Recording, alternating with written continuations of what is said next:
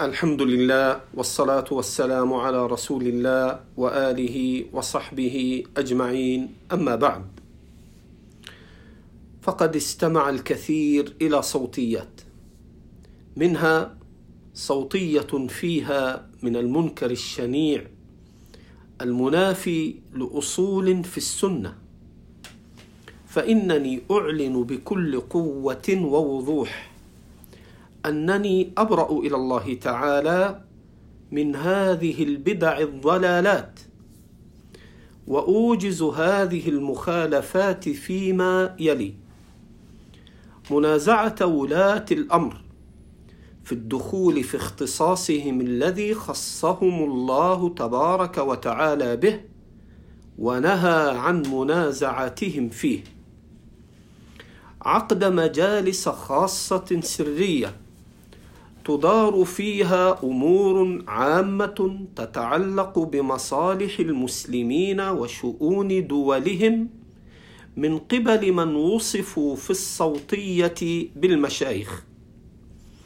الولوغ في دماء المسلمين بالطريقة المتفق عليها بينهم وهم في دولة إسلامية بالفتاوى السرية الشفوية التي يتداولونها بترتيب معين سري في دول إسلامية أخرى كسوريا وليبيا وغيرهما.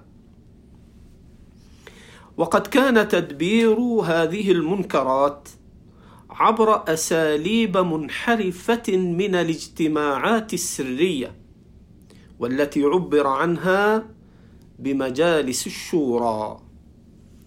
والتسجيلات الخفية والتنظيمات الهرمية التي أسست على إدارة الشؤون العامة مضاهاة لولاة الأمر. هذه الأساليب التي يحرمها أهل العلم والإيمان والسنة ويعلنون البراءة منها. وأذكرهم بقول الحق تعالى إن الذين فرقوا دينهم وكانوا شيعا لست منهم في شيء إنما أمرهم إلى الله ثم ينبئهم بما كانوا يفعلون. وحقيق بكل مسلم بلغه ذلك أو علمه أن يقف الوقفة الواضحة التي يوجبها الشرع المبين والسنة المطهرة وأصولها المعروفة التي هي حجة على كل من خالفها كائنا من كان في كل زمان ومكان. وهنا أقول بعبارة واضحة إن العالم أو طالب العلم الذي تلوث بهذه الأساليب والمعتقدات عليه إعلان التوبة.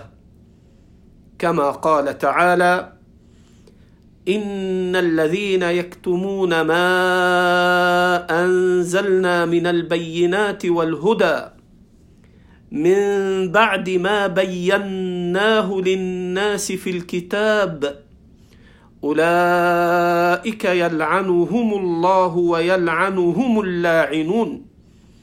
إلا الذين تابوا وأصلحوا وبينوا فأولئك أتوب عليهم وأنا التواب الرحيم.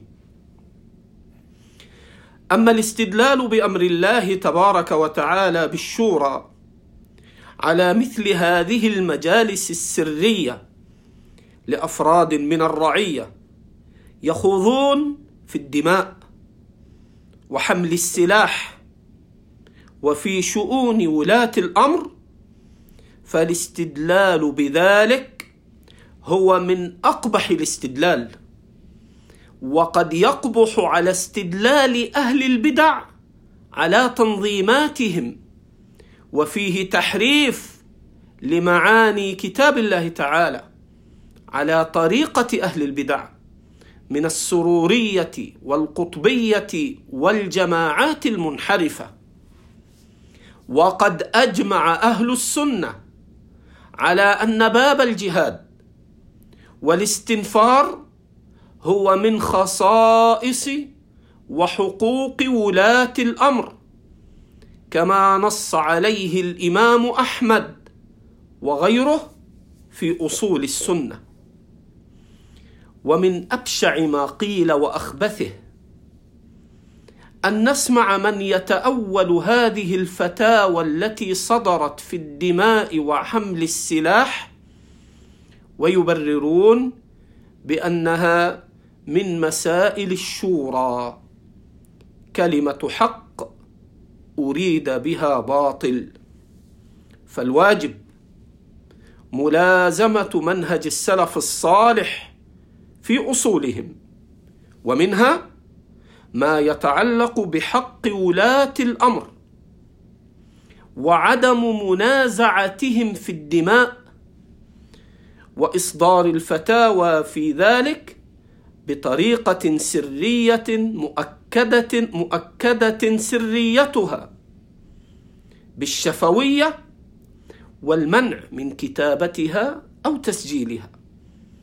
أسأل الله تعالى بأسمائه الحسنى وصفاته العلى أن يثبتنا على السنة ويقينا الانحراف والابتداع ومسلك أهل الضلال.